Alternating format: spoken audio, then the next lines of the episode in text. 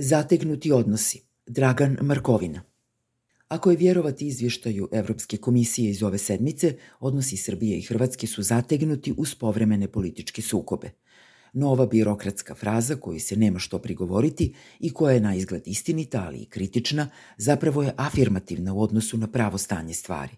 Odnosi, naime, nisu zategnuti jer suštinski njih i nema – odnosno u političkom smislu, postoje samo formalno, kroz standardne diplomatske kontakte i ništa više od toga, a u političkom smislu se svode na javna prepucavanja i uvrede putem medija – Da stvari budu tragičnije, stvarni život i međuljudski odnosi te logika trgovine i kapitala, koji su se obnovili krajem 90-ih i posebno početkom 2000-ih, nastavili su normalno funkcionirati unatoč konstantnim naporima oficijalnih politika da te odnose vrate u psihološkom smislu na one koji su vladali u ratnom periodu.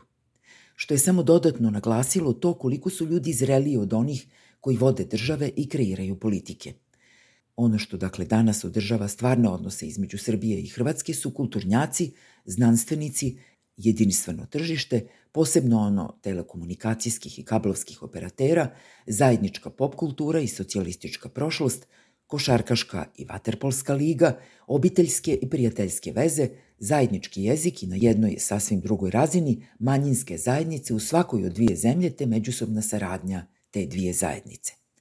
Sve navedeno nije malo, šta više, to je upravo ono što čini život i dobra je stvar što je, barem za sada, pokazalo otpornost na političku retoriku i medijske kampanje, ali svaka otpornost ima svoju granicu koju ne bi trebalo testirati. Vrijeme velikih gesti jeste prošlo i koliko god one u simboličkom smislu jesu izgledale bitne, realno nisu ništa pomaknule. To jednako vrijedi za onu zajedničku turneju po mjestima stradanja Iva Josipovića i Borisa Tadića, za klečanje Verana Matića u Vukovaru, kao i za onaj tragikomični susret Aleksandra Vučića i Kolinde Grabar-Kitarović na mostu u Iloku. Šta više, one geste koje su mogle nešto promijeniti, poput dolaska Borisa Miloševića kao potpredsednika Hrvatske vlade u Knin na proslavu Oluje, te kasnijeg odlaska ministra branitelja Tomislava Medveda u Varivode, dočekane su na nož od strane aktuelne vlasti u Srbiji.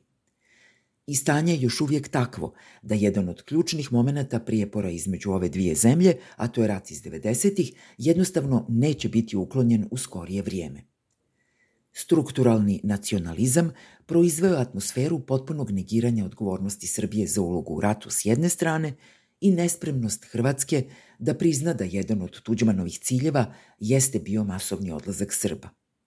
Stvari imaju uzroke i posljedice, ali konačni ishod je takav da Srbi u Hrvatskoj sasvim jasno nestaju i idu ka asimilaciji i pretvaranju u folklornu činjenicu, što je poslednji popis najbolje pokazao.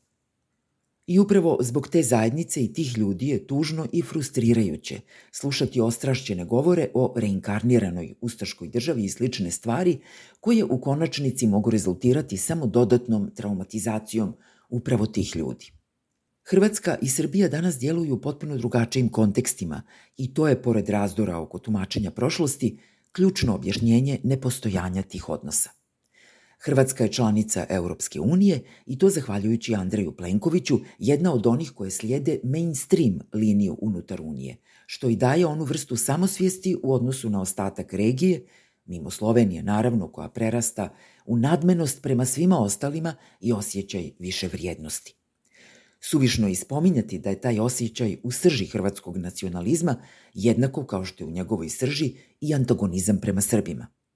No aktuelnoj Hrvatskoj regija s izuzetkom Bosne i Hercegovine, odnosno položaja Hrvata u toj zemlji, naprosto nije u fokusu. Odnosno, hrvatsko društvo u cijelini, kao i politika, su savršeno nezainteresirani za odnose sa Srbijom.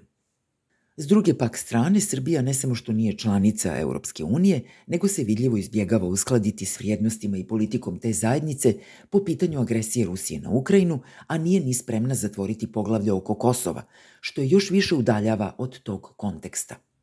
I nikakvo prebacivanje fokusa na Hrvatsku i svađe oko prošlosti neće niti sanirati, niti promijeniti tu činjenicu. Stoga javna prepucavanja najviših dužnosnika ne vode nigdje i neće promijeniti ništa, osim što će potencijalno izazvati neugodnosti običnom svijetu koji želi normalan život.